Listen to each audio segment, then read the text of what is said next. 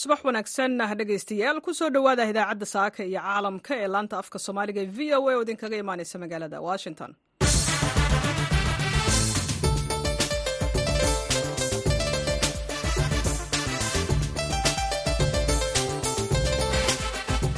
Aroor wanaagsan dhegaystayaal dhammaantiinba meel kastoo aad joogtaan waa koob iyo labaatanka bisha februari ee sanadka waxaad naga dhagaysanaysaan mawjadaha gaagaaban ee lix iyo tobanka iyo sagaal iyo tobanka mitrban iyo bogga v o a dot com.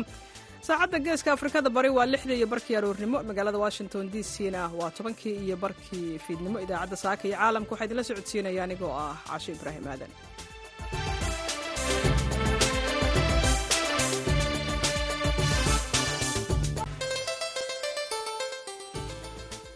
qodobadaan idinku hayno idaacadda saaka iyo caalamkana waxaa ka mid ah codbixiyaasha dalkan maraykanka oo ka walaacsan da'da murashaxiinta madaxweynaha.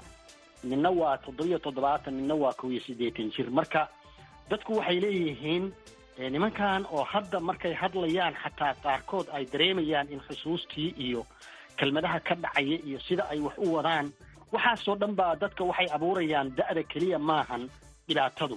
Ee waxa weeye qofku maskaxdiisa iyo xajmigiisu ma joogi doonaan boqol kiiba boqol si ay uga bixi karaan xafiiskan culus. Waxaa sidoo kale aad maqli doontaan magaalada jigjigaha oo lagu soo gabagabeeyey ololeh qalliin iyo daweyn indhaha loogu sameeyey dad gaaraya saddex boqol toddoba iyo siddeetan qof.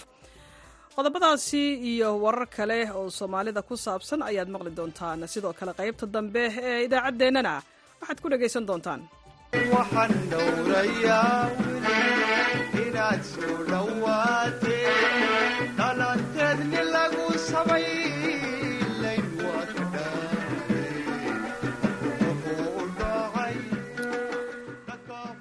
marka horese waxaad ku soo dhowaataan warka caalamka oo aan idin akhriyo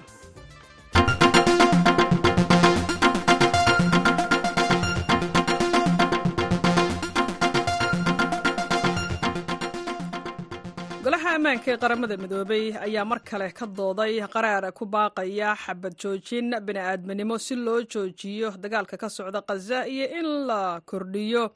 Gargaarka bini'aadminimo iyo barakicinta dadka falastiiniyiinta ah se ahaatee qaraarkaasi waxaa hor istaagay maraykanka isaga oo adeegsaday codka diidmada qayaxan ee loo yaqaano vito danjiraha maraykanka u joogtay qaramada midoobay linda thomas greenfield ayaa sheegtay in aanay nabad waarta keenayn in la dalbado xabad joojin deg deg ah oo aan shuruud lahayn iyadoo aan heshiis laga gaarin in xamaas ay sii dayso lahaystayaasha gacanta ugu jira. Muddo toddobaadyo ah ayaa maraykanka masar qatar iyo israa'il waxa ay lahaayeen wadahadallo ku aadan in la sii daayo dhammaan maxaabiista la haysto islamarkaana la hakiyo dagaalka danjiraha maraykanka ayaa sheegtay in tallaabadani ay taas beddelkeeda sii dheeraynayso dagaalka u dhexeeya labada dhinac islamarkaana ay sii dheeraynayso wakhtiga la haysanayo maxaabiista israa'il iyo xaaladda bini'aadminimo ee ay ku sugan yihiin falastiiniyiinta. Dalka aljeeriya ayaa soo diyaariyey qaraarkan qabyada ah isaga oo la wadaagay shan iyo tobanka dal ee xubnaha ka ah golaha ammaanka qaramada midoobay muddo saddex toddobaad ah ka hor bangiga horumarinta afrikana waxa uu ka digayaa in sara u kaca qiimaha tamarta cunnada iyo badeecooyinka kale ee dalal badan oo afrikaan ah oo ay ku jiraan angola etoobiya iyo kenya ay dhalin karto qalalaase bulsho. Dadka ku nool dalka ugu dadka badan afrika ee nigeria ayaa isugu soo baxay bannaanbax ay kaga cabanayaan miciishada qaaliga ah taas oo keentay in dowladdu ay fasaxdo badarka kaydka qaranka ogeysiiska bangiga horumarinta afrika. Waxa uu ku jiray daabacadiisii sanadlaha ahayd ee aragtida waxkaqabadka ama waxqabadka dhaqaale ee afrika oo la sii daayey toddobaadkii hore. Digniintu waxa ay saadaalisay ka in qiimaha tamarta iyo cunnada ay kordheen oo ay wehliso qiimaha ama qiimo dhaca lacagta angola etoobiya kenya iyo nigeria ay dhalin karto iska horimaad gudaha ah. Inkastoo afrika ay muujinayso kobaca dhaqaalaha guud.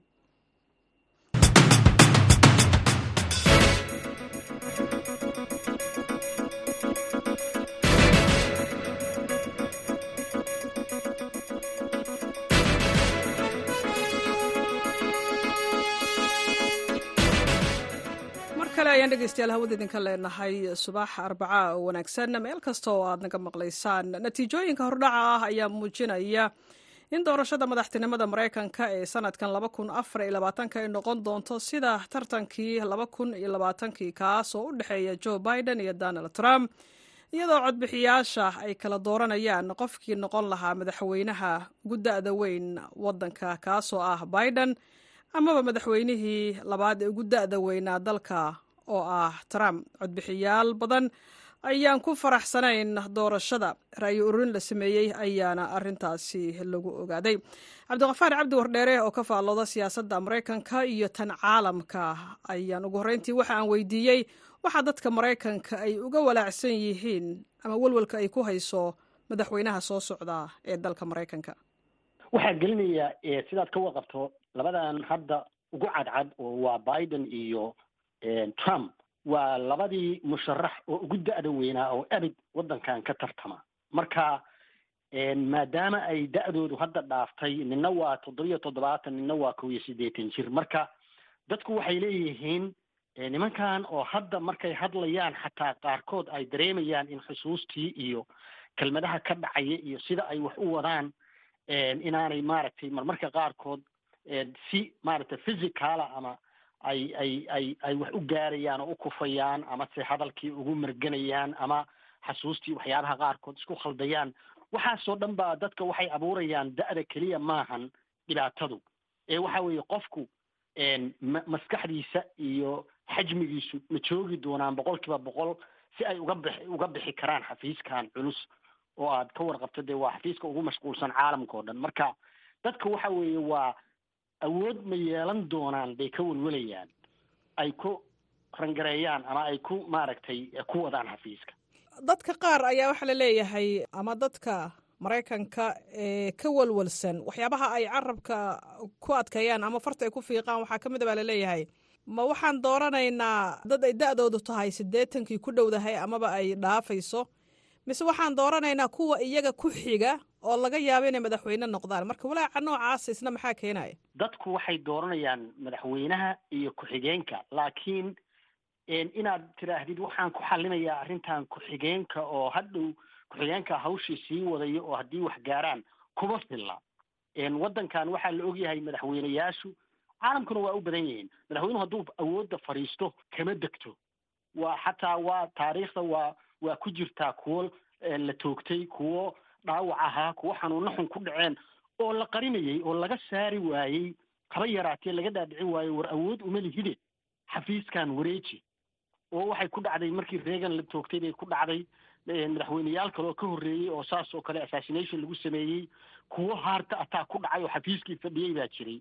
Oo si kasta inta la yeelay laga nuuxin waayey. Marka si kastoo aad u doorato kan ku-xigeenka ah waxaaba laga yaabaa inuusanba awooddaba wareejin waana wax caadi ahoo america aada loo yaqaan weeye inay isku dhejiyaan xukunka. Marba haddii la doorto afar sanouna haystaa nina wuxuu noqonahayaa shan iyo siddeetan. Nina kow iyo siddeetan buu noqonahayaa marka u dambeyso oo afarta sano uu dhammaysto. Marka ma dhici kartaa ama ma laga yaabaa in marka ugu dambeysa oo ay soo dhowaato doorashadii iyo xilligii loo diyaar garoobayey inay wax isbedelaan oo tusaale kale biden uu ka tanaasulo oo dimuqraadiga qof u soo magacaabaan ama trump uu qudhiiso tanaasulo ma laga yaabaa inay wax isbedelaan daqiiqadaha ugu dambeysa ama saacadaha waqtiyada ugu dambeeya ee weli doorashadii intaan la gaarin? Wax kasta waa dhici karaan laakiin sida hadda qiyaastu ku socoto midkoodna lagama yaabo inuu ka tanaasulo sida hadda la sheegayo sababtoo ah xataa markii laga hadlayo caafimaadkooda iyo laga waraysta la yidhaahdo oo laysku dayo in balxuuraansi la soo ogaado inay xaalkooda iyagu admid gareeyaan oo dhahaan ogolaadaan oo dhahaan war meeshaan kama bixi karno. Waad arkaysaa way ka gabanayaan nin waliba warqadii takhtarku la soo baxaya wuxuu leeyahay arag warqadii takhtarkaygu iisoo qoray wuxuu leeyahay. Wax kastaba waa okay wey. Marka isku dhejin zaa'idaa labadaba laga dareemayaa oo aanay marnaba arrintaas aanay ka gorgortamayn oo xataa xisbigoodu ay ku dhici waayeen dadkii la tartamayay jamhuurigaaba roonoo xoogaa maadaama iyagu aanay hadda xafiiska fadhiyin dad la tartama iyo wax keenkeenay aan rajo lahayn. Laakiin biden wax isnuuxiyaba waa lala yahayba oo xataa isku daya inay madaxa la soo kacaano ee la tartamaan oo yidhahdaan ninkaani awood uma lehe ee bal aan anigu aan aan meesha madaxa geysto. Marka suurtagal ma aha bilaha dhiman in inta waxyi ku soo dego uu mid waliba yidhahdo bes hadda waa anigu waa ka tanaasulay. Waxay aad bay u adag tahay sida la odorosay cabdikafaar waxaan ognahay in maraykanka uu yahay ama ku faano inuu dimuqraadiyadda hormuud u yahay oo dalal badan oo caalamka ku yaalla gaar ahaan afrika. Waxyaabaha uu inta badan u soo bandhigo amaba cadaadiska lagu saaro dalalka qaar waxaa ka mid a in la yidhaahdo dimuqraadiyaddii bay maaragtay dhaqan gelin waayeen ama dimuqraadiyadoodii baa liidata. Maxaa marka dalkii noocaas ahaa ee adduunka hormuudka u ahaa keenaya in hoggaankiisii ugu sarreeyey uu xukun isku dhejiyey isagoo laga yaabo in awooddiisii ay sii yaraanayso? Xagga firfircoonida da-da. sax weeye arrintaas waxaa sal u ah dastuurka waddankan u yaalla iyo qawaaniintiisa. Meelna ugama qorna da intaa la eg buu yeeshay qofkii ha laga mamnuuco kuma kuma taal. Marka dastuurkaasaa loo noqdaa isagana xitaa wax haddii laysku dayo in laga kaxeeyo. Waa aad bay u adag tahay madaxweynaha in la yidhaahdo waad waad xanuunsan tahay ama ma fiicnida iska tag. Waa inuu ama isagu iskii uga tagaa amase golaha wasiiradu inta fadhiisto golaha state state waxaa leeyahay secretariesku inta fadhiistaan iyo madaxweyne ku-xigeenka iyo waxaasoo dhami ay isku raacaan oo dhahaan qofkaani waa incapacitated ama tabar uma leh. Oo markaa kadib ay ka remove gareeyaan isagoo fadhiyo madaxweynaha. Laakiin ma jirto dimuqraadiyadda meelna ugama qorna. Tan maraykanka qofkaani da-diisaa weyn oo xusuustiisaa xun oo haddeeruu isku daran yahay iyuu tartamin meelna ugama qorna. Marka taasaa runtii caqabad ku noqotay in xataa xisbiyadu hadda ay arrintan inta ruxaan ay ay nimankan odayaasha ah ay dhahaan bal waa dhaafteen waktigii howlgabka idinku ee dhalinyarada iyo dadka kaleo xoog gale u baneeya marka uma uma qaabaysna dimuqraadiyadda maraykanku sidaas. Marka ma laga yaabaa arrintani in ay fursad siiso murashaxiinta sida madaxa bannaan u soo tartamay aan xisbina ka socon? Maya waa adag tahay. Musharaxiinta la tartamaya markii uu boqolkiiba konton ama ama lixdan haysto ama biden ama trump waxaa laga yaabaa boqolkiiba hal iyo saddex iyo shan iyay marayaan. Marka dad soo dhow ma aha. Wax kalena maaha waddankan waa two party system baa la yidhaha waa laba xisbi. Ama jamhuurigaa ku wata ama dimuqraadigaa ku wata. Qof kale rajo ma laha. Haba yaraatee kaasi waxa uu ahaa cabdikafaar cabdi wardheere oo ka faallooda siyaasadda maraykanka iyo tan caalamka oo isagoo ku sugan gobolka virginia. Dalkan maraykanka khadka taleefonka iigu warramayey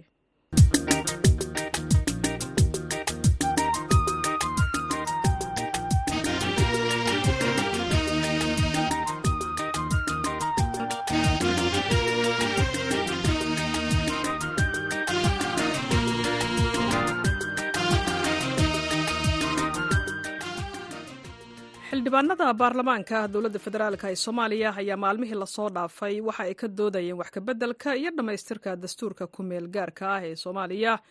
Waxaana jira aragtiyo kala duwan oo ay dadweynaha soomaaliyeed ee dalka iyo dibaddiisa ku nool ay ka qabaan wax kabeddelka dastuurka. Dadkaasi waxaa ka mid ah soomaalida ku nool dalka kenya.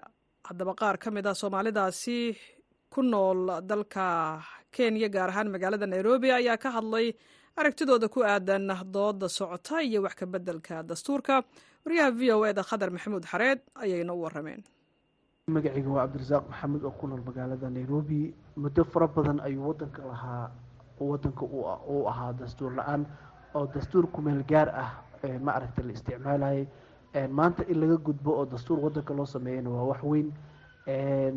Middan mar walba la isku qabsan jiray baarlamaanka ama ra'iisul wasaaraha iyo mar walba awoodda isku qabsan jireen madaxweynahana waa ogeyn dowladihii kan ka horeeyana waa ay ku guuleysan waayeen in ay wax isbeddel ay sameeyaan oo ma aragtay dastuurkii la ansixiyo marka dowladdan way ku guuleysatay inay ansixiso baarlamaanka iyo dadka diidanna waxaan dhihi lahaa wadankan mar walba waa muhiim in loo sameeyo ma aragtay dastuur waana loo waana taageersannahay haddii aan nahay dhalinyarta hawayaan cabdiqaadir cali axmed oo joogo dalka kenya gaar ahaan nairobi gaar ahaan isliye waxa weeyaan aragtideyda aniga ahaan dastuurka wax ka bedelistiisa walaal waxa weeyaan haddaan ka hadlo fikradda xilligan hadda lagu jiro ani ma qabo dastuurka in wax laga bedelo. Isaga oo calashaan interestiya shakhsiyaadeed ay ku salaysan tahay awgeed muxuu ahaa dowladda soomaaliya hal shaqsi ma laha? Ummadda soomaaliyeed oo dhan bay ka dhexaysaa madaxweyne iyo madaxweyne ku-xigeen wax la yidhaahdo annaga nooma cuntamayso marka xaqiiqa laga hadlo waxa weeyaan waxa weeyaan walaale nidaamka hadda wax lagu wadana nidaam saxan ma aha. Baarlamankan hadda joogana waa baarlamaan ilaahay u sakhiray. Waxa weeyaan baarlamanka ad arkaysa waxa weeyaan dalkiisii dhannaaba wuxuu ku gadanayaa hal milyan oo dollar. Dhul dhan buu iskaga gadanaya hal milyan oo dollar. Marka ninkaas haddii boqol kun oo dollar loo dhiibay maanta la dhaho nidaamka u codee haye waa dee wuu codaynaya weeyaan. Marka niman ay qadiyad iyo wadaniyad inkastoo ay ku jiraan kuwa fiican haddana kuwa qadiyaddu ay asal ka tahay waa waa minority markii xaqiiqa laga hadlo. Laakiin majority-ga nimanka dhuuni qaatayaasha u badan waxa nidaamka la leeyahay waxbaa laga bedelaya madaxweyne ku-xigeenkin iyo fulaan iyo fulaan iyo waxaan ma ah nidaamka waxa weeyaan dalkan in la wareeriyaa loogu talagalay waxba xasan sheekh iyo waxaa ku wareegeysaneen dalkan waxaa xasan sheekh u taala inuu nimankan ka sifeeyo waddanka uu xoreeyo. Midda koobaad midda labaad waxaa taala waddanka inuu xoreeyo oo nadiifiyo oo dadkii nabadgelyo ka dhigo. Kabacdina dastuurkan hadda yaalla ay shacabku u codeeyaan. Magacaygu waa cusmaan jeylaani aawow degan nairobi waddanka kenya soomaali ah. Wallaahi runtii arrinkan oo wax ka bedelidda dastuurka qabyada soomaaliya waa arrin wanaagsan. Mar walbana dastuurka waxbaa laga bedeli karaa. Aayad qur'aana soo degtay ma ahan. Waa heshiis uun wax lagu heshiiyey. Bal marka hore waxaa wanaagsaneyd in waddanku uu yeesho maxkamaddii dastuuriga ahayd ee dhexdhexaadka ahayd oo wax walboo laysku qabsado oo dastuurka ku saabsan go'aanka kama dambeyska ah ka gaari lahayd waan ka xumahay waddankii ilaa iyo maxkamaddii oo dastuuriga ah ma lahan. Midda kale dastuurka qabyada ah inuu mar walbaba dhammaystirnaado waan taageersannahay balse inuu ahaadaa mid qayaxan yacni qodobadiisa iyo farqooyinkiisa iyo cutubyadiisa dhammaan inay ahaadaan kuwa waadax ah. Kadibna waxaa sii wanaagsanaan lahayd in loo qaado afti dadweyne. Dadka qaangaarka ah iyo dadka waaweynba ay cod u qaadaan waayo dastuurku maadaama uu yahay mustaqbalka waddanka lagu hagi lahaa waddan walbana dastuur ayaa haga iyo nidaam iyo kala dambeyn iyo maxkamadihiisa. Magacay waa suldaan cabdicasiis cabdi gaaciye haddii aan horay u galo ama aan aragtidayda ka dhiibto arrintan dastuurka dastuurka waxaa weeye wax fara badan oo hortabin leh baa dowladda maanta hor yaalla oo hareeraysay waxaana loo baahan yahay waxaas in dadka soomaaliyeed la mideeyo. Dowladda soomaaliyeed waxaa hortabin leh oo hor yaallay inay amniga ay wax ka qabato oo ay hanato dhulka soomaaliyeed xuduudihiisa hawadiisa maxaan ku dhahaa baddiisa midayso dadkiisa. Kadibna wixii shaqeehee kale ee soo raaca ay gasho hadday dastuur bedelayso iyo hadday doorasho qabanayso intaba. Waxaa nasiib darra ah iyada oo dadkii soomaaliyeed uu maanta qaybsan yahay oo dhibaatadii la ogaa ee uu ku kala tegay ay jirto haddana dhibaatooyin gaara oo maxaan ku dhahaa soomaaliya oo dhan ku wajahan oo bad iyo berrin iyo cirba ku wajahan iyo dhulba ay jirto. Qaar ka mid ah soomaalida ku nool magaalada nairobi ee dalka kenya ayay ahaayeen oo u waramayay wariyaha v o eda khadar maxamuud xareed iyagoo ra'yigoodana ka dhiibanayay dooda dastuurka ee baarlamaanka ka dhex socota